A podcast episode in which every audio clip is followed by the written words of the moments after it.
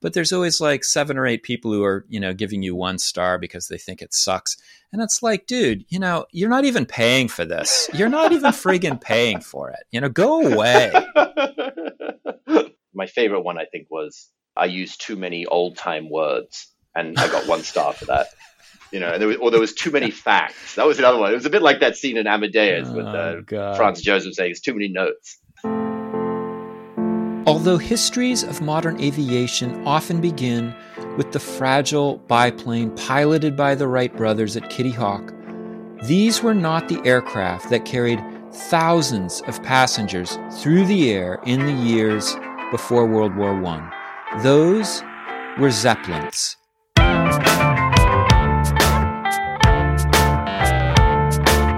It's time to eat the dogs.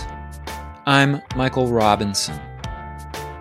Today, Alexander Rose talks about the history of airplanes and airships at the turn of the century, a time when the direction of aviation remained unclear.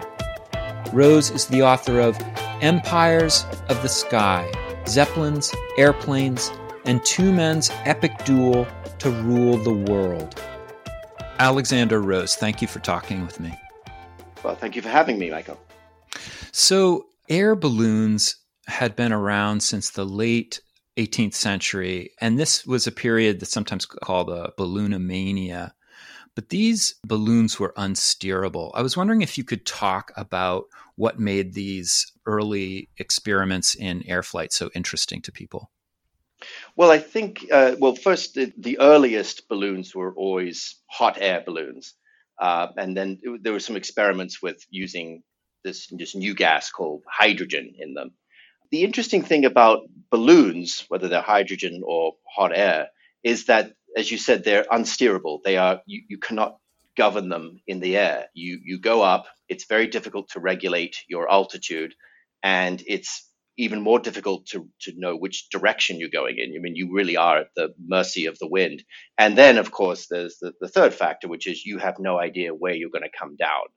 So that was the inherent problem with early flight in that there was it was something called aerial navigation that is being able to navigate in the air as you would a ship at sea where you had charts and you know you could plot a course very easily.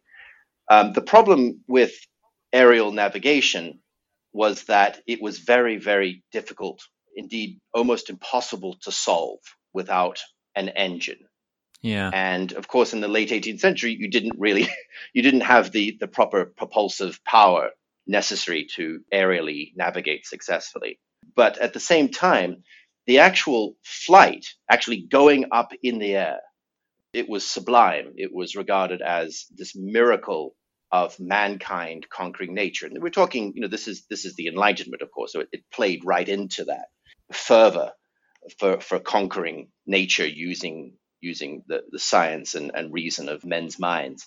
So what you have to keep in mind is, is that you have all of these rapturous, ecstatic descriptions of the very small handful of people who'd ever been up higher than you know at the, the top of a hill or something like that. And, to, and yeah. to look down and see this vast panorama of uh, uh, you know when you're even three or four hundred feet up in the air is is astonishing. It's absolutely astounding. And then when you go up even higher and to to actually touch a cloud is the great miracle at work were these uh, early flights purely for public entertainment, or were there any commercial or scientific motives behind this early era of balloon travel? Well, at first, it, the wonder was enough. The idea that you could go up in the air and have a look around and see little toy people and little animals and roads and wagons trundling along. And then they began to think the big question became what is this for? What are we actually going to do with this newfound power that we have uh, created? You know, the great eminent minds of the Royal Society in England and, and the French Academy in, in Paris and so on set themselves trying to come up with lots and lots of scientific experiments. And that is things, you know, something like barometers, testing wind speed, test the effects of gravity, all sorts of things, the atmosphere, you know, what constituted the gases of the atmosphere and that kind of thing. So there was a huge number of scientific experiments that they tried to to introduce. It's a little bit like the early space race. It was amazing getting up into space. And then after a while, you have to consider to yourself, well, you know, we've put men up in space. Great. What are they going to do there? Is there any way we can exploit this or learn something? So that's when they started bringing in all these scientific experiments for, say, you know, to be conducted aboard the, the space shuttle or the International Space Station. In terms of early flight, there were some important and interesting discoveries, but they, they couldn't really be exploited. They didn't. They, they never really quite worked, and the main reason is is that you would go up, test the atmosphere, and come down again, and that was about it. Uh, yeah, uh, you couldn't yeah. spend very long up there because you'd just be swept away, and you'd, you'd you'd end up somewhere in the English Channel.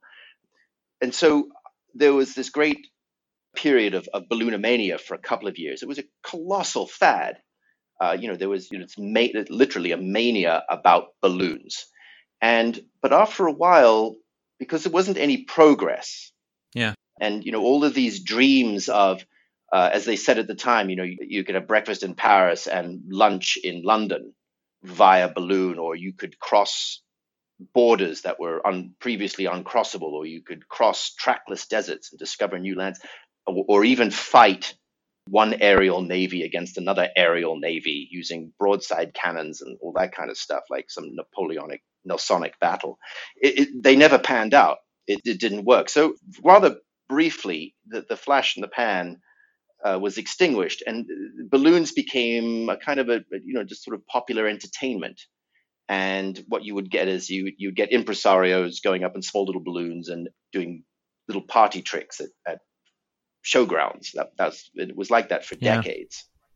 You start your book recounting the travels of Count von Zeppelin, who, of course, becomes a huge figure uh, in your book.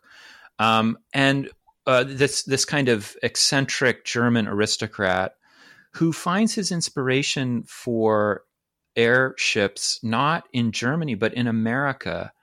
Can you tell that story? Uh, yeah, it's a it's a terrific story. It's one of these great mid 19th century type stories where uh, the Civil War has broken out in America. It's uh, 1862, 1863. And there's a young noble, Count von Zeppelin, who's in his early 20s from southern Germany, the kingdom of uh, Württemberg. And he goes on one of these, again, very typical army officer tours where you would you would go visit your colleagues in London and Paris and around the world, and you would go look at military parades and check out their the newest technology and all that kind of stuff. It was really it was like a, a, business trip, but with a great deal of pleasure involved. You know, seeing mm-hmm. your buddies and getting uh, very drunk for the most part. In the middle of the Civil War, no less. Uh, well, just in Europe, but but Zeppelin himself is interested in America because there was this giant war going on, bigger than anything that Europe had seen in, since the Napoleonic Wars. So yes, he takes a boat to to Washington on, on official business as a as a staff officer of, of the Württemberg army you know, it's a small world at that time, especially if you were this, you know, a, a sort of a well-connected noble type. And he gets a he gets an audience with, uh, of all people, Abraham Lincoln, who takes time out of running a, a, a busy war to to meet with this junior obscure officer in, in the White House, um, and he gets a pass to go tour with the Union Army. And so Zeppelin does that. He tours around. He makes some friends. Uh, he starts taking notes on you know military strategy, military tactics, and all that kind of stuff. Uh, then he gets a little bored.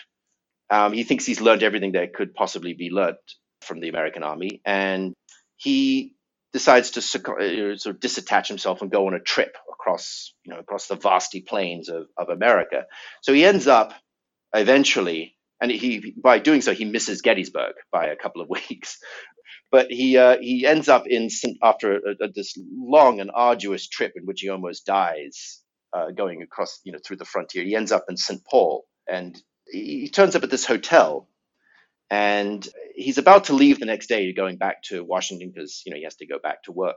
And uh, he sees this small, little patched up, gaily decorated balloon across the street in a little cleared out area and he and he's intrigued by this. He's you know he's everyone's heard of balloons, but very few people have ever gone in them, especially him. So he goes across the street. He meets the fellow running it, who, whose name is John Steiner, who's again this very interesting, very obscure figure who happens to be from Bavaria, which is a, a neighbor of Württemberg. So they, they chat along and they can speak each other's German dialects quite well. And uh, Zeppelin basically pays his money and goes up in the balloon uh, for about 15 minutes. And uh, during their chats, Steiner is talking to him about the great problem of aerial navigation, which again, remember, it's 1863 or so, and balloons have been around since about 17 mid 1780s. So there's been zero progress in the meantime. And, uh, and, this is a tethered balloon, right? So he's actually kind of attached by a rope or something. yeah, the they were known as army ascensions or army ascents. In that uh, you've heard of, you know, many people have heard of the the Union Obser- Observation Corps and, and, that kind of thing under uh, Thaddeus Lowe. Well, Steiner used to be with Lowe. He was he was part of that observation corps, but fell out over money, and so he just went out and became an itinerant showman with his little patched up balloon, um, which I think was called Hercules. And it was about the not very Hercule, Herculean. uh, you know, it's a little tiny thing. But Zeppelin wants to go on a free ride, but you know, which means cutting the rope and just floating freely. But they, they don't have the good quality gas, so they wouldn't have gotten very far. So it's a big disappointment. But an army ascent was in, in the Union mm. Army or in any army in the observation corps. All you did in those days was you had a little tiny mobile balloon. You pumped it up and you you you went up three or four hundred feet uh, attached to a, a, rope, obviously, in still weather. If there was any wind, you would scud, scuttle around the place. Yeah. And you would just use your binoculars, check out the you know enemy deployment, and the be winched down again. That was pretty much as that was as far as air technology had ever gotten. But so, so you know, so Zeppelin does this for you know ten minutes or so, comes down, and, and he noodles on the problem for a little while about aerial navigation because he's uh, Zeppelin's an interesting fellow. You know, he's a very upper class aristocrat of a very old family going back 600 years as knights and, and, and barons and counts and so forth. But he's a member of, uh, he's got a real interest since he was a little boy in, in engineering and mechanical uh, devices, which is very rare for someone of his, of his background. And he went, he went to a technical university for a short time. Uh, so he noodles on this for a little while, but doesn't get anywhere. And then he, he just kind of forgets about it for the next 30 years or so. Yeah, the impression I get is that Zeppelin is thinking about this for a long time, but it's really only he gets into hot water with uh, the young emperor Kaiser Wilhelm II, and he's forced into retirement in his 50s. What happens to Zeppelin that uh, forces his retirement? Uh, Zeppelin was never very good at diplomacy. He's one of these people who just create enemies everywhere he goes because he's very stubborn and very stiff necked and you know he always knows best. No one can tell him anything that he, he didn't already know. Uh, so he makes enemies within high command by by trying to stand up for sort of Württembergian independence. This puts him on the blacklist. And then I think in the late 1880s, if I've got the year right, maybe 1890, you know, by that time he's, I think he's about to be promoted to general. And so he's very senior. And he, um, there's some war games, the, the Kaiser, the Kaiser games, and it's it's a frame up. Some of his enemies at, at, at high command want to get rid of him, and so he's set up to fail, and so he doesn't get his pr- uh, promotion, and worse, he gets. I'm not sure if the right word is cashiered, but he gets utterly humiliated by, by one of the senior generals there, who kind of you know takes his sword out and breaks his sword and you know drums essentially has to retire dishonorably. So he's complete and complete feeling of shame and humiliation. And so he goes so he, he goes back to his estates and uh, he starts he starts thinking about airships again because airships you know technology has come a long way since since the 1860s. You see now you have early automobile engines and so on. You mentioned that in fact, at the same time, there are other countries, France and Russia most notably, who are also beginning to design airships. And uh, this has an effect on Zeppelin and his construction of airships. Can you talk about that? Yeah, he um, yes, it, it wasn't just Zeppelin who was who was pondering the idea of, of resurrecting airships. The you know the, the, French were especially in the lead. They had they were the first ones in the 18 in about 1852 uh, a Frenchman named uh, Giffard, had actually built his own little steam engine, a little tiny thing, and put it in a very small, um, sort of cigar, almost cigar-shaped airship, not not the not the spherical balloons of old. And he'd uh, you know he putted away in it for I think 18 miles sort of there, you know, on a completely still day at, something like three miles an hour. Um, but this had, this had sort of resurrected interest in airship technology that, that maybe possibly you could solve the problem of aerial navigation. So that's that's what Zeppelin sets himself to. And again, remember the French and the Germans have a very touchy relationship. And so the French military is interested in this, and so Zeppelin tries to sell this because he's it's it's almost like a psychological problem he has in that he's been so ritually shamed and humiliated yeah. by by his superiors that he wants to get back in the good books, and so he will he will just try and appease them with this brilliant new military vessel that will that will uh, uh, ensure German domination over France, you know, using airships. So that that's where that's where it comes from. That that's kind of a motivating factor for him. But he was he was just mostly interested. It, it, that's that's a slightly later development. At, at, at, the time, he was initially interested in, in um, delivering post of all things and using airships as a cargo carrier or even as a troop personnel carrier. He had all sorts of strange ideas because nobody knew what to do with these things, what, what, what they were capable of. Uh, and his first test of his new airship design is in 1899. How does that uh, test go? Uh, Zeppelin, for, for nearly a decade, is trying to get his airship quite literally off the ground. And he's coming up with all sorts of mad ideas. One of his first idea, ideas was to create a giant airship that would just have, you know, a number of huge steam engines in it. And then he would attach passenger balloons, like a train, essentially. That's what he, like a locomotive and, and the passenger cars after it. And so he tries to do that for several years, and he's, you know, he's running out of money. He's sort of mortgaging his own estates uh, and his wife's estates, for that matter but he just wants he, he's just obsessed with this idea of creating the greatest airship the world has ever known and it taken him 10 years and there's many many challenges because nobody believes him and he's ridiculed as this lunatic and a fool uh, you know that he's known as the crazy count down by the lake because he based his um, his airship factory or warehouse um, down by uh, the, the Bodensee, which is the Lake Constance on the Swiss German border. So he tries for a long time. And again, he it's beginning to work. He eventually manages to get a little bit of, of state funding for this, and so he starts getting a small crew together of a couple of other of, of sort of young engineers to help him, and he builds this thing. And I think the first he gets his first airship up, Airship One, in um, 1900 and 1901, and it goes on a I think an 18 minute trip around the the Lake Constance. So it's a great success, except that nobody's really that interested. Um, it, I mean, it wasn't. It, it, was good, and it was kind of an amazing thing that he did. And you, you know, he flew. I mean, he genuinely flew, and he and, and the airship was under his control. He had aerially navigated by his lights. On the other hand, it wasn't quite spectacular enough to really impress the army observers there into buying a huge fleet of Zeppelin airships.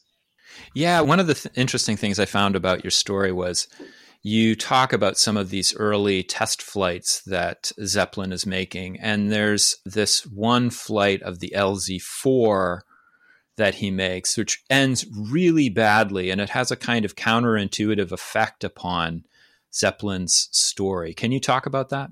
Yeah, the, the LZ 4 uh, was, I think, in 1908. And it's, and it's known as the Miracle of Echterdingen, uh, which is very catchy. And it was essentially the, the Dunkirk spirit at work, but in a German context, and that he builds this beautiful airship, LZ4, you know, after several unsuccessful LZ2 and LZ3s.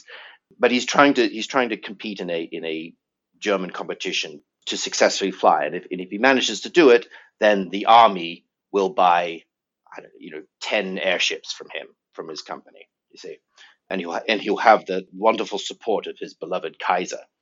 But the problem with LZ4 is he, he succeeds, and he has to he has to go on this uh, sort of 24 hour flight around Germany just to prove that it works.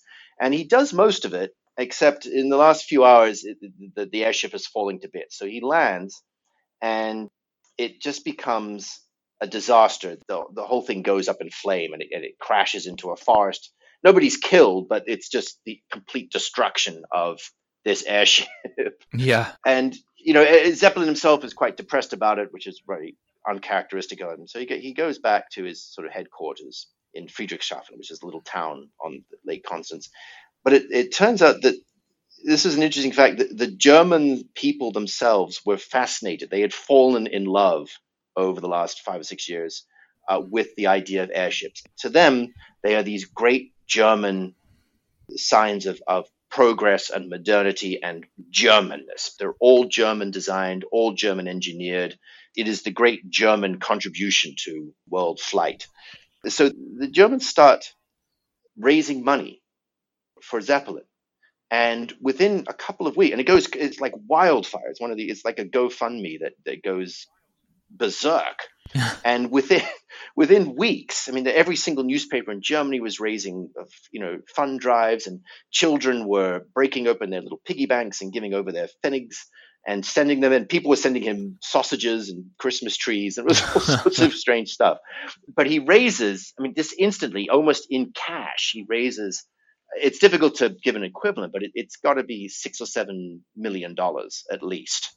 Wow! Um, and they want him to That's build amazing. another airship. And so there's this guy who just several years earlier, as I said, had been the crazy old man down by the lake, suddenly becomes the greatest German national hero.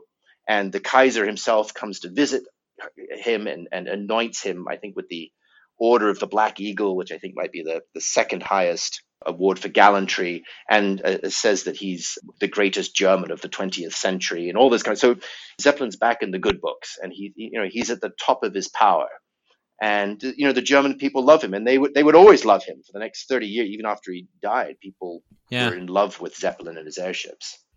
You know, it strikes me that in hindsight, it seems that the airplane becomes so dominant in the Anglo American world. We talk about the Wright brothers and these other early experimenters with heavier than air machines. And it seems like they have so many advantages over airships.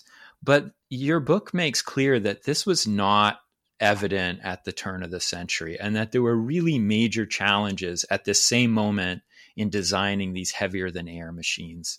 Can you talk about some of the challenges that the Wright brothers and other people faced? Well, yeah, it's the the airship airplane rivalry goes back to the, the very earliest days. I mean, for instance, when the Wright brothers actually did fly, Zeppelin himself couldn't work out what the big deal was. Uh, I mean, you know, the, I think the Wright brothers flew their first flight, I think it was 12 seconds. And by that time, you know, on his first trip in LZ1, he had flown for 18 minutes wow. He can't understand why everyone's talking about these Wright brothers as if they're gods or something. He, he, to him, that was it was easy, and he had taken you know several passengers, eight or nine passengers. Whereas the Wrights, there would just be a single guy with a, a little frail contraption made out of fabric and held together by glues and screws. Whereas he had you know airships of you know a million or two cubic feet of hydrogen yeah. by that time that were 450 feet long. But at the same time, the airplane has certain advantages in that it's it's quite fast, it's quite nippy, it's quite um, you know especially as the Wright brothers developed it. You see, you know it's it's quite maneuverable and it's advancing quickly in terms of the length of time it can stay in the air and so on. But still, Zeppelin always considered airplanes as nothing other than little sporting toys. They would never amount to anything. They're like little um, sports contraptions compared to a you know an SUV or something. It's just they're a bit of fun, but that's about it. If you want to carry people and you want to carry mail, you have to go with an airship. Yeah, and you could see why he would think this. It was really surprising to me that Zeppelins became so commercially successful. I mean, you write that in the years before World War One, there were 34,000 passengers taking Zeppelins on over 1,500 flights. I had no idea that there was such a commercial industry for this before the war? Well, yeah, that's an interesting question. Zeppelin was dead set against it. The creation of what's known as the DLAG uh, is, a sort of a German acronym, but that was the creation of his protege, who later plays an extremely important role over the next 30 years or so, called Hugo Eckner.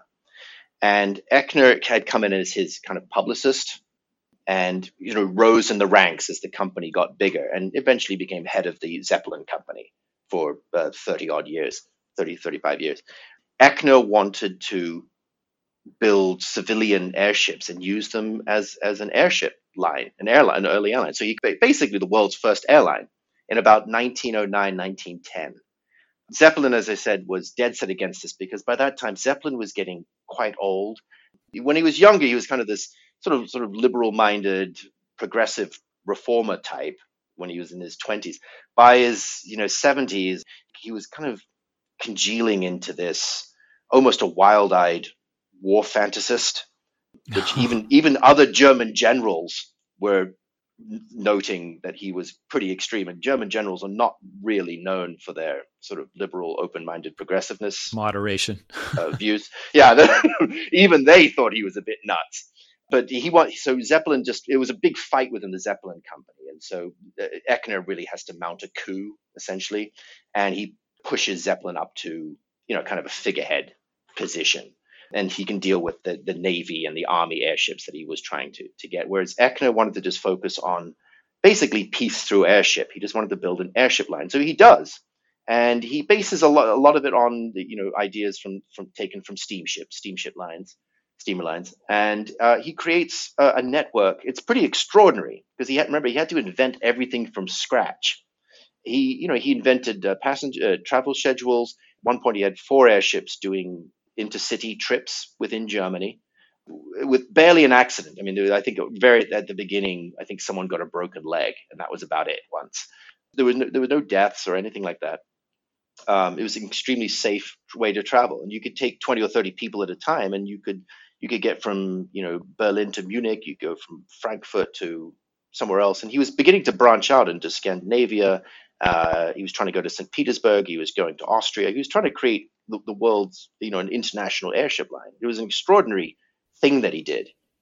When um, when World War One starts in 1914, Germany starts to use zeppelins as weapons of war, and they're used to bomb London and other cities. So, what were these aircraft like? Did it take a lot of work to transition them from civilian use to war use? And what was it like to fly in one of them?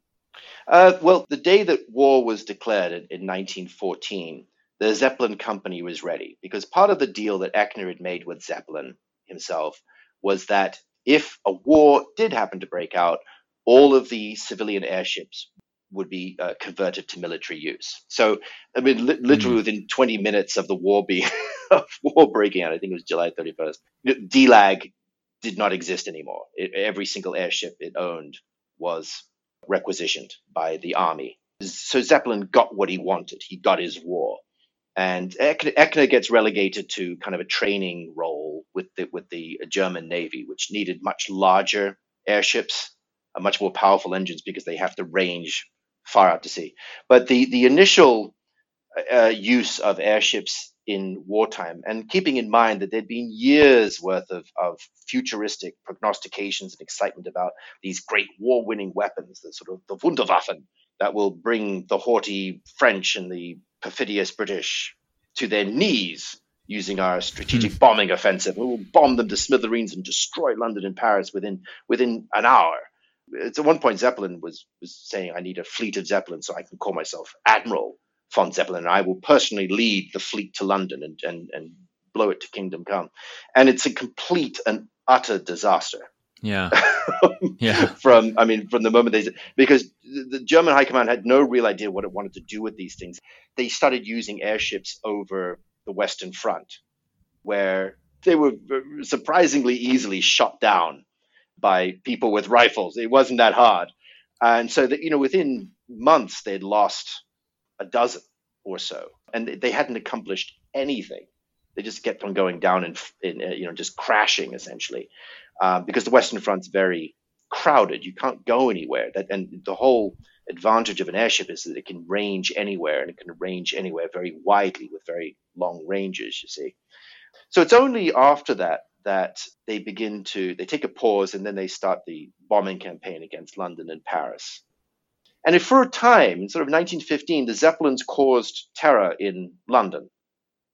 But it didn't take that long for the British to get a hang of it, so to speak. So they would do things like they created concentric rings of specialist anti aircraft guns, mm. and they put in several hundred searchlights around the place, which when they focused their beams, if they caught a Zeppelin, you know, in, in the beams, then it was an easy target. Yeah, they could target guns. it. Exactly. A Zeppelin that caught in its searchlights, it's a dead Zeppelin without question.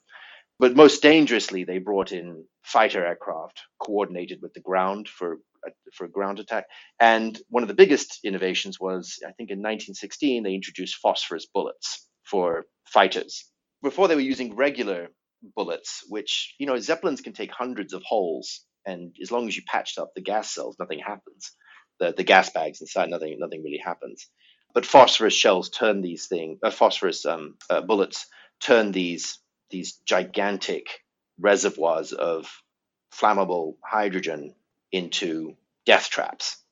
And uh, that that's when you really see just zeppelins going down all over the place. And it was a horrible, horrible way to die. Essentially, you had uh, you know a, a, German crew on one had about thirty seconds before the, they sort of the, the, the whole thing would curl up like a burning newspaper in the air and just collapse. But to return to the question of what it was like to fly on these things, it was um, it was quite an extraordinary experience, and the Germans learned it was actually quite useful for their post-war zeppelins, in that they learned a colossal amount about how to fly zeppelins in all sorts of weather over very long distances. Being on them was was pretty was pretty hard, especially as the war goes on, because once they've got the phosphorus bullets and fighters can get up to twelve thousand feet altitude, the Germans started adapting and they built lighter zeppelins that could go higher. So there's this kind of race to the top. Problem is, you can only go to a certain altitude before everyone starts getting air yeah, sickness. Yeah. You know, oxygen deprivation and so on. And oxygen tanks weren't very good. So, and it got colder as well. But there would be just times where the snow from a storm would be coming into the control cabin. There was always a guy up top, right on top of the Zeppelin. I mean, wow. it, it, manning a machine gun, which was you know yeah. you had to be pretty tough to do up there because it was it was sub-zero temperatures for hours and hours and hours and hours at a time my god and uh, you know they were pretty bare bones there some some captains allowed alcohol on board for you know a nip of schnapps other ones ran dry ships depending on who the captain was there wasn't much to eat you would be hours and hours and hours wearing cold weather clothing uh, in order to evade the the, the fighters and, and the uh, searchlights yeah. and so on but it was as a as a weapon Zeppelins were a complete write-off. It was an utter disaster. Yeah, and you end your book with the story of the Hindenburg, which is destroyed in a spectacular fire in 1937 in Manchester Township, New Jersey. That that has to be one of the most famous events in uh, airship history, or the most the famous event. And I was wondering what struck you about this event after having written so much about the prehistory of airship design? Did anything surprise you? You know, what surprised me about the Hindenburg explosion, especially once you've done, you know, 150,000 words on uh, early airship history, is that it really didn't need to happen at all. The Hindenburg exploded through a, a cascading series of otherwise unlikely, improbable, almost impossible events. Huh.